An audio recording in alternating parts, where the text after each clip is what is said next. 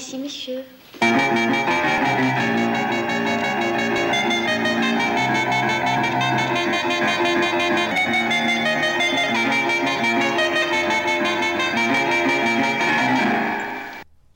Hortaz, burua galdu genuen aspaldi, baina zeu ere antzera zabiltzala dirudi. Sua pizten dugu elurretan. Hau, ez da amaitu. Ez dugu amaitu oraindik. Batzuek magia egiten dute, beste batzuek kalte. Itxaroten ari gara, itxaroten. Lasto ale bati eutxita. Nor da alfa? Zer dago eunez egina? Nola diozu, asko sentitzen duzula? Ez dagoela zertaz beldurtu. Ilun aldagoia da. Zeinen argia da argia. Barre egiten alduzu, oiuka ari zaren artean. Hotz egiten aldu kanpoan. Gauza bat badakigu ziur. Nahiko ziur gaude bai. Ez da amaitu. Ez dugu amaitu oraindik.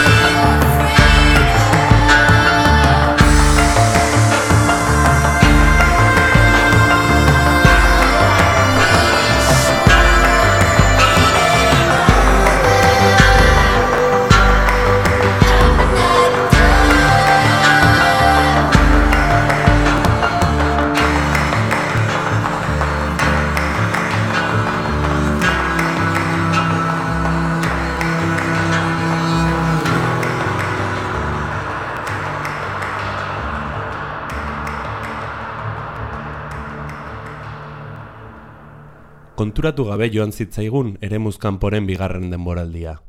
Han atzean gelditu da eta urruntzen jarraitzen du oraindik ere. David Lynchen errepide galduan marra horiak atzean gelditzen diren bezala. Konturatu gabe, igaro zaigu baita ere, gure entzuleen belarri estoikoei emaniko atxeden aldia. Joan da minutu ordu egun eta astez betetako hilabete pare hori ere, segundo guzti hoiekin. Eta hala etorri zaigu hirugarrena ere, konturatu gabe. Tartean, gauza batzuk aldatu egin dira. Hemendik aurrera, Bilbo iria irratian ez ezik, laro amazazpi irratian eta gazteizko alabedi irratian ere izango da entzungai, ere muskampo. Beste gauza batzuk ez dira aldatu noski. Eneko lazabal, Xabi Landabidea eta Josu Zabala gara. Eta ere muskampo gaude, berriro ere.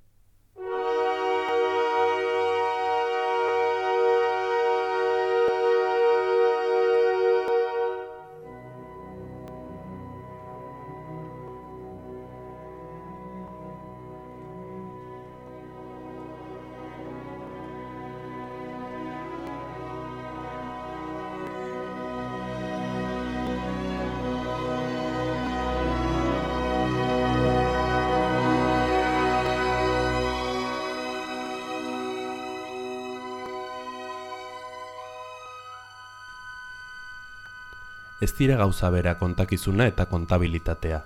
Kontatzea eta kontatzea. Gabriel Aresti eta Franz Kafka gora bera. Kontalari ezberdinak daude munduan. Ipuinak kontatzen dituzten zenbakiak eta zenbakiz aratago doazen ipuinak. Mota askotako gezurrak. Eta kontabilitatez kanpo gelditzen baitira sarri zatirik handienak, gezurrik importanteenak. Konturatu gabe bizi gara sarri izeberra itsasoan eta izotz puskak kombinatuan bezala. Gertatzen zaigunaren zatirik txikiena baino ezpaitara magu kontura. B kontabilitateak daramatzagu gure bizitzaren benetako balantzean. Eta kontu handiz, ibili behar da kontatzen ez denarekin. Kontuz, isilean gordetzen denarekin eta ukatzen denarekin. Abakoan erregistratu gabekoarekin. Kontuz ibiltzekoak dira, kontuz kanpokoak zabala baita ere muskanpoa.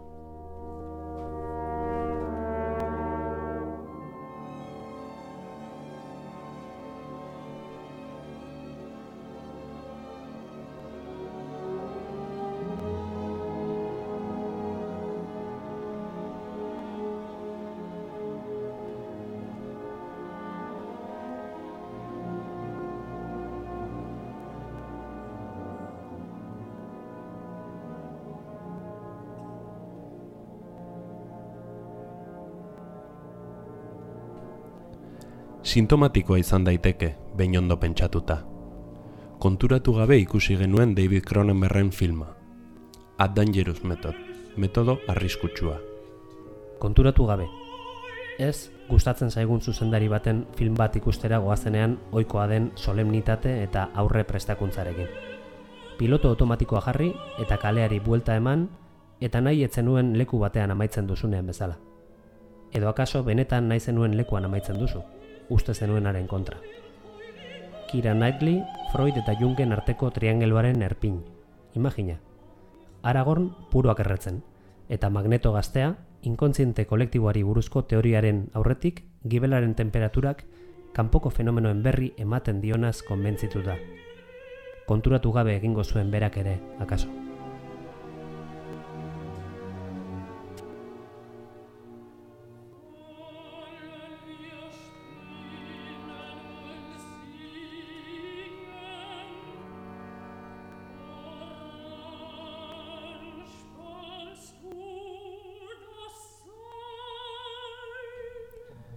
Eta ez diogu hori film txarra delako.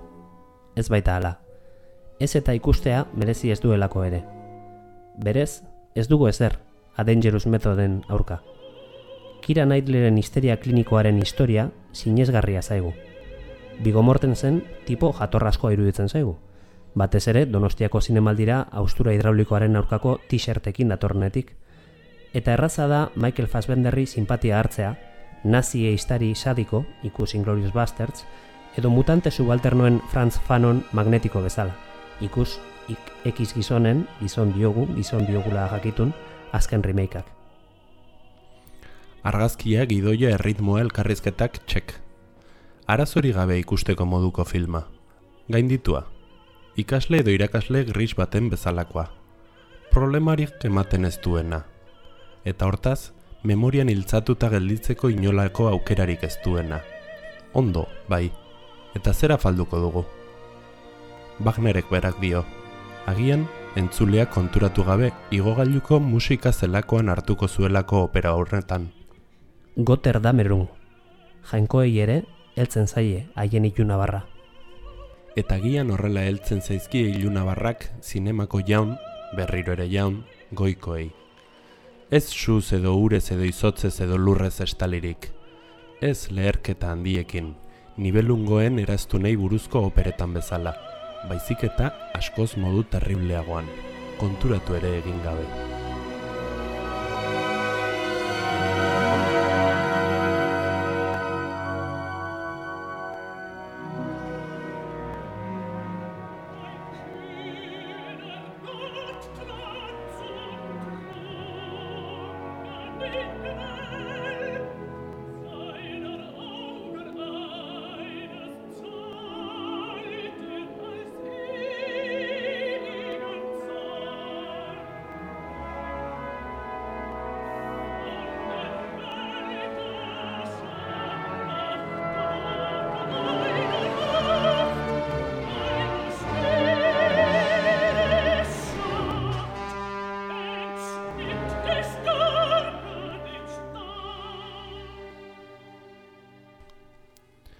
Wagnerren nibelongoetatik Hongkoneragoaz.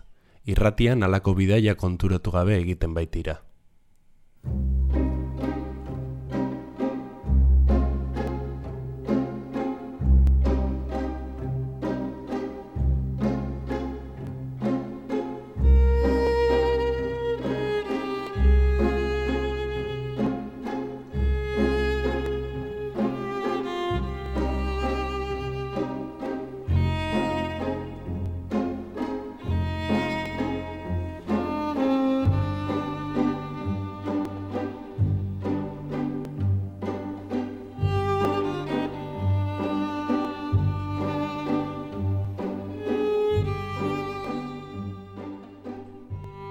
Besteren istorioak entzuten eta esaten eman ditugu Onkar Weiren maixulanean minutuak eta minutuak. Falta direnez aritu gara, Rebeka sindromeak jota edo, eta konturatzerako ezkara euren gainean ari gehiago. Beti falta den senarraz diarduenaz eta etxean emaztea ez duenaz ari gara derrepentean. Konturatu gabe, baina, batez ere, haieko hartzerako. Brastakoan, haiek dira eta beste, besteak amorante direnaz jabetutakoan igartzen baitute haienaren damua, errua. Zerbait zirudien hasieran, beste zerbait gero, eta atzera, bolantekadak bidea mantentzeko.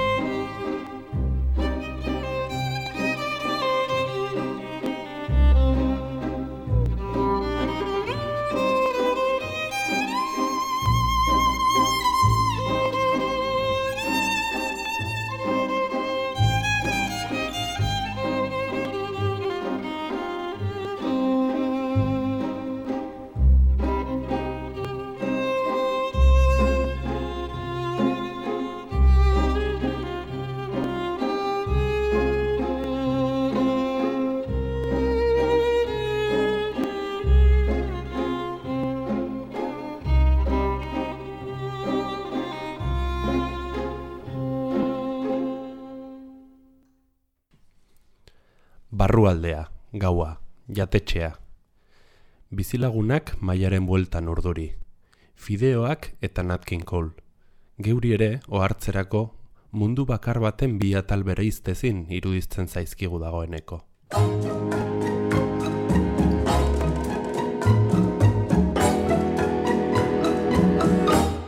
Aquellos ojos verdes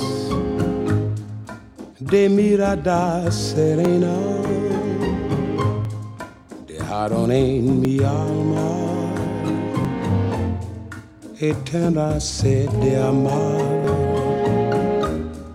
anhelos de caricias Arraroa irudituko zaizu agian, baina zerbait galdetu nahi dizut. Zeneraman poltsoa nun erosi zenuen? Zergatik diozu? Hain da dotorea, emazteari bat opari nahi nioke. Zeinen onazaren emazterekin. Ez pentsa. Zail xamarra da, bera eta laster du urte betetzea. Ez dakit zer erosi. Erosi halko zen idake bat? Litekena da berdin-berdina ez gustatzea. Egia, bururatzea ere. Emakumeok ez dugu gustuko. Bizilagunak izan ikutxiago. Badira beste koloretan, Galdetuko diot senarrari. senarrari? Berak erosi zidan, atzerrian. Hemen ez dago horrelakorik. Utzi orduan berdin dio. Gauza da, neuk ere galdera bat dut egiteko. Zer? Korbata hori non erosi zenuen? Ez dakit non, emazteak erosten dizkit. Benetan, Hau atzerrian erosio omen zidan, hemen ez daude. marka da gero. Bai edo, Gauza da, senarrak berdin-berdina du. Nagusiaren oparia omen, eta egunero janzten du. neure emazteak zurea bezalako poltsoa du. Badakit, bai. Ikusi izan diot. Zer esan nahi duzu? Uste nuen neun nintzela konturatzen bakarra. Nola hasiko ote zen dena?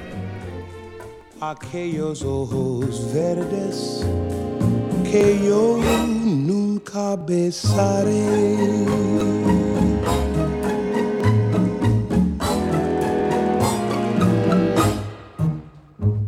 Berandu da, ez altzaizu emaztea aserretuko. Oituta dago etzaio axola. Eta zure senarra? Lo egongo da honezkero. Eta ezpagara gaur gauean itzultzen? Ez, ez, ez, ez, ez. Nire senarrak eluke sekula hori esango. Zer esango luke? Ez dakit, baina hori ez. Bietako batek emango zuen lehen pausoa. Berandu da, ez altzaizu emaztea aserretuko. Oituta dago. Etzaio axola.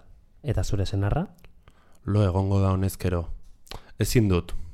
Ezinezkoa zait esatea. Ulertzen dut. Azken finean, dagoeneko gertatu da. Norbait hasi, hasi zen. Benetan ezagutzen alduzu emaztea. Eskatu niretzat. Zergatik?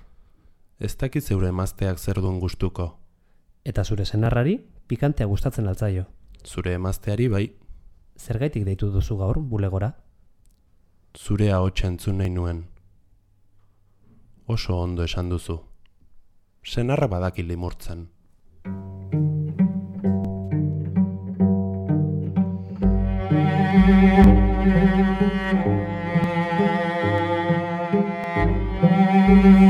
Janariari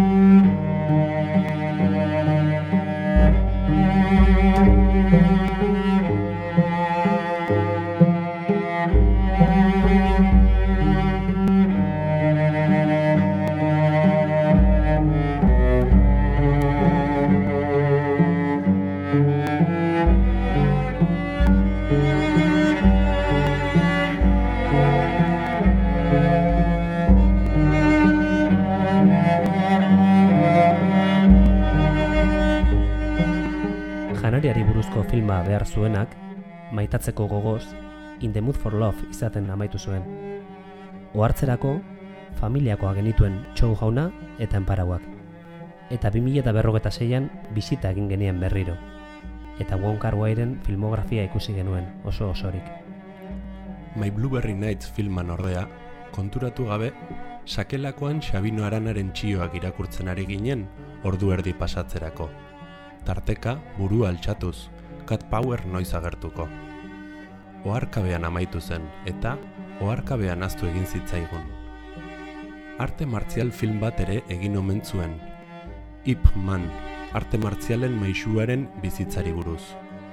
Ezkinen konturatu noiz estrenatu zuten, eta torrentean filmak jaisten ditugun bakoitzean azten diren hoietakoa bihurtu da Wong Kar Wairen azkena.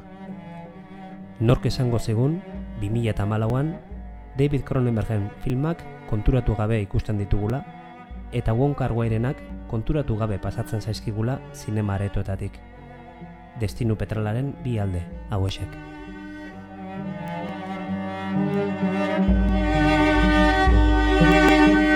Nola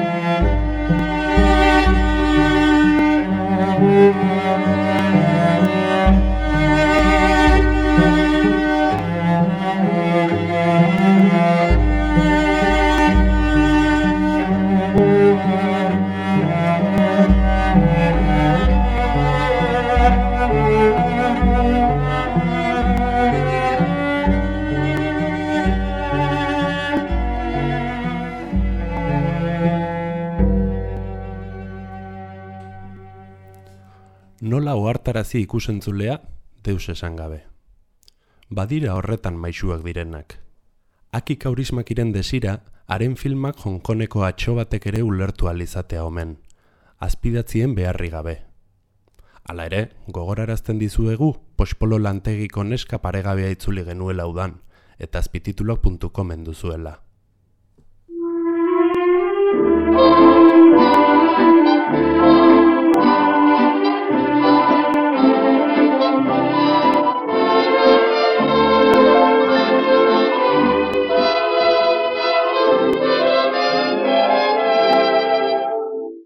Ce soir, le vent qui frappe à ma porte me parle des amours mortes devant le feu qui s'éteint.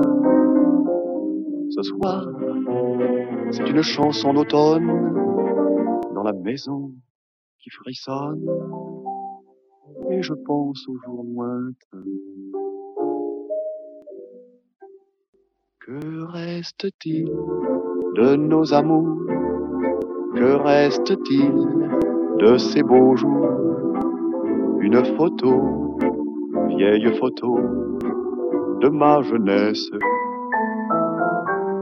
Que reste-t-il des billets doux, des mois d'avril, des rendez-vous, un souvenir qui me poursuit sans cesse? Bonheur fané, cheveux au vent, baisers volés, rêve mouvant, que reste-t-il de tout cela? Dites-le-moi.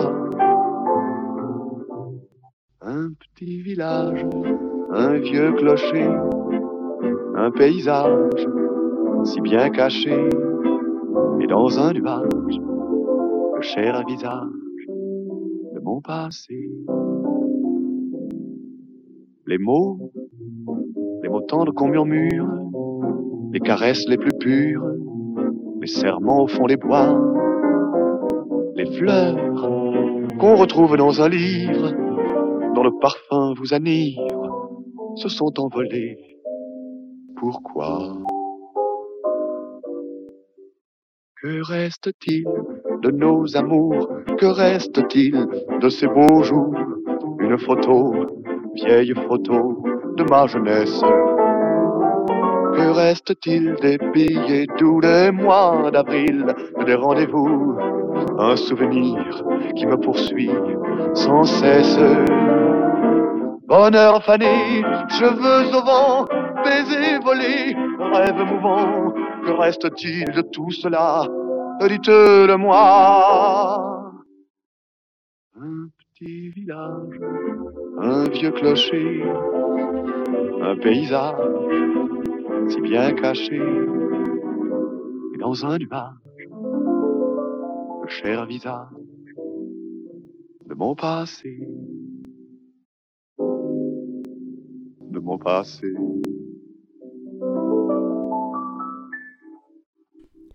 Truffaut eta Hitchcocken liburu famatuan irakurri genuen urrengoa. Ezin noroit bitako zeinen agotan. Nez eta esena irudikatuta Truffautago iruditzen zaigun. Nola ohartarazi ikusentzulea bikote baten arteko maitasuna agortu egin dela. Jarri bikotea, dotore jantzita, operara edo bailioa zen, igo gailuan. Gizonak kapela du buruan. Neska bat sartu da, eta gizonak kapela kendu du. Kitxo, txapo.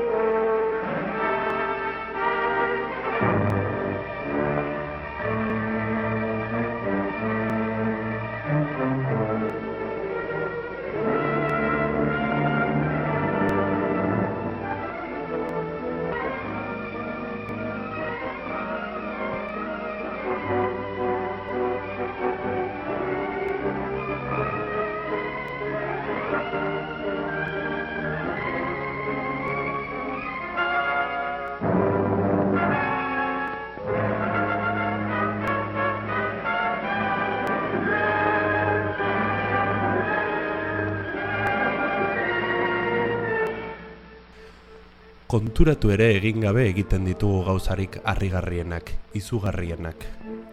Erreala beste gauza batzuen artean izugarri egia delako sortzen ditugu ordena simbolikoa eta imaginarioak, psikoanalista lakanierren ustetan. Mila bederatzerun eta hogei hartako Robert Winneren kaligari doktorearen kabinetean adibidez. Denok baikara pixka bat txesare eta pixka bat kaligari doktore. Errealitatean, ekiteko trapuzko panpin eta itzaki bila, botere nahiez, baina iesi. Eta errealitatearekiko itxu, ekintza ekintza, gure jardueraren ondorioekiko itxu, mutu, gor, sonambuluak bezala. Eta harrapatzen bagaituzte ere, egingo diogu ies errealitateari. Utziko dugu zerbait kontatu gabe, konturatu gabe.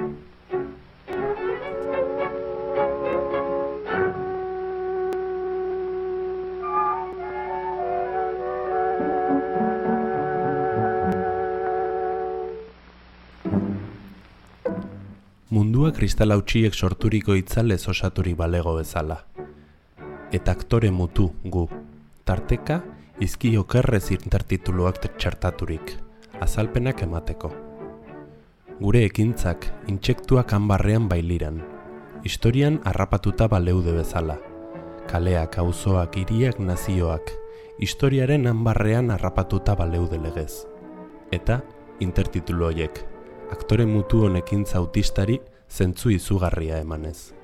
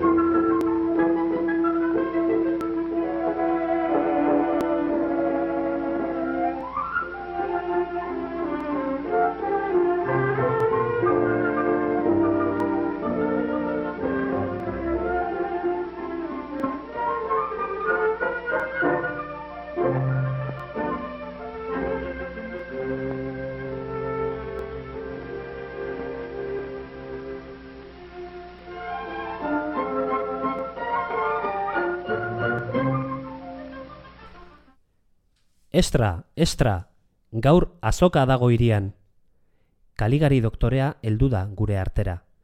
Eta baimena eskatu du, erakusketa bat prestatzeko herriko azokan.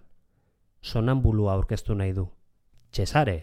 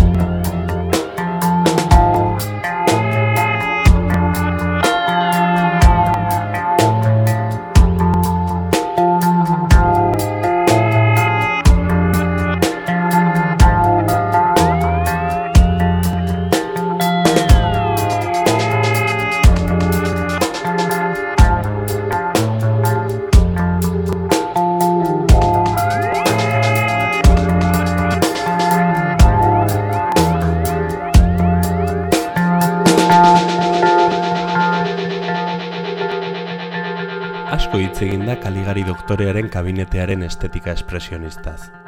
Filmaren lerro okerrez itzal luze ezkiribil torturatu ez. Katetoak eta hipotenusak zenbatzen, kontatzen, pasalezake ikusleak filmosoa, area alea kondartzan eta urtantak itsasoan nola. Eta, esan izan zaigu nola kaligari totalitarismoaren metafora izan zitekeen, eta txesaren norbanako modernoaren aragitzea bera, eta nazismoaren etorreraren salaketa goizti hartzat ere hartua izan da. Gerora noski. Hauek, eta hauek bezain beste interpretazio egin litezke, baita Tim Burtonen estetikaren zuetz genealogikoa ere marraztu. Baina gutxiago entzun dugu Kaligari eta Txesare osotasun berberaren erdi bi izan daitezkeenik. Erabiltzen duena eta erabilia, kontalaria eta kontatua, subjektua eta objektua, edo filmaren premisara ekarrita, arma eta berau erabiltzeko asmoa.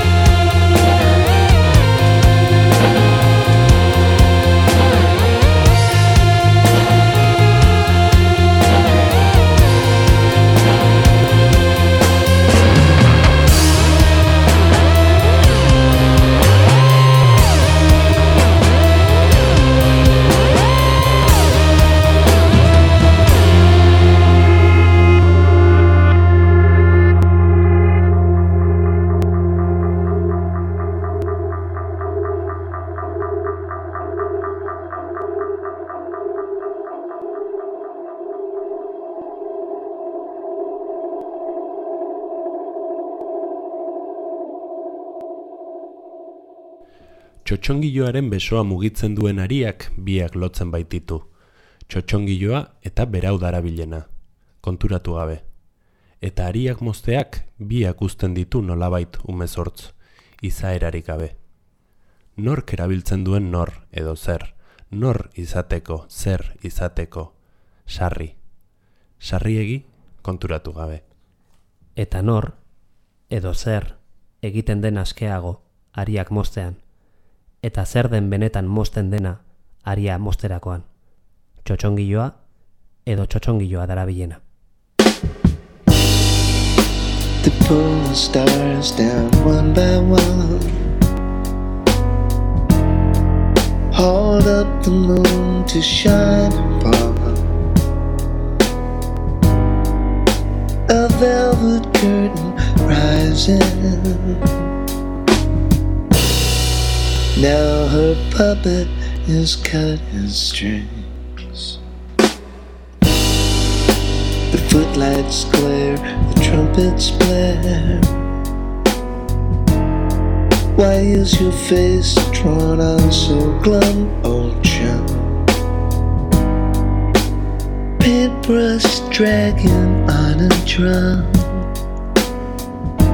The rim shot, rim shot of a punchline that you fumbled. The crowd went home and left you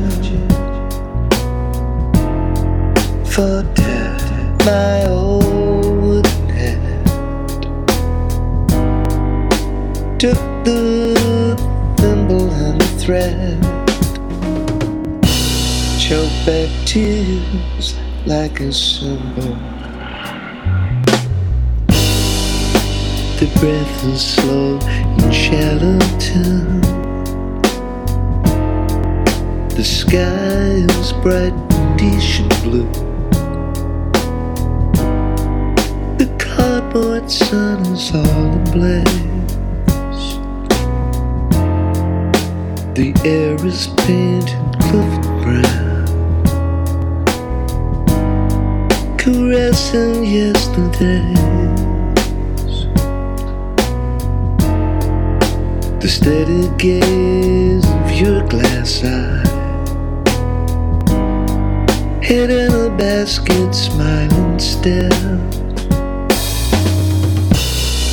Free of will, free of wisdom. Can't feel my fingers anymore. Can't raise my hand and ask for more. Dance my doll across the floor. Oh, fire a flag from a pistol. To pull the stars down one by one. Hold up the moon to wish upon.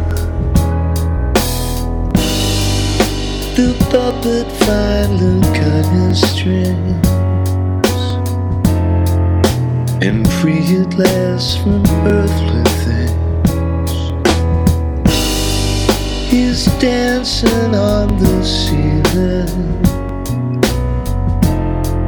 with a showgirl in a feather dress.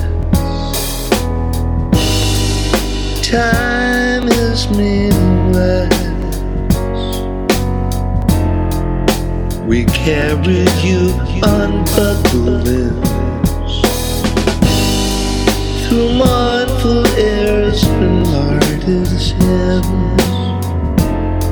Then one blue and one more yellow pill. One keeps you quiet, one keeps you still. You sang the way you look tonight. Your voice is ringing true and clear. And you wore them down like candlelight. And in the darkness, you'd best beware. And in the darkness, you'd best beware. You'd best beware. You'd best beware. I used to love you. I used to care. Canopy set in trim, slowly closing. The puppet has cut his string.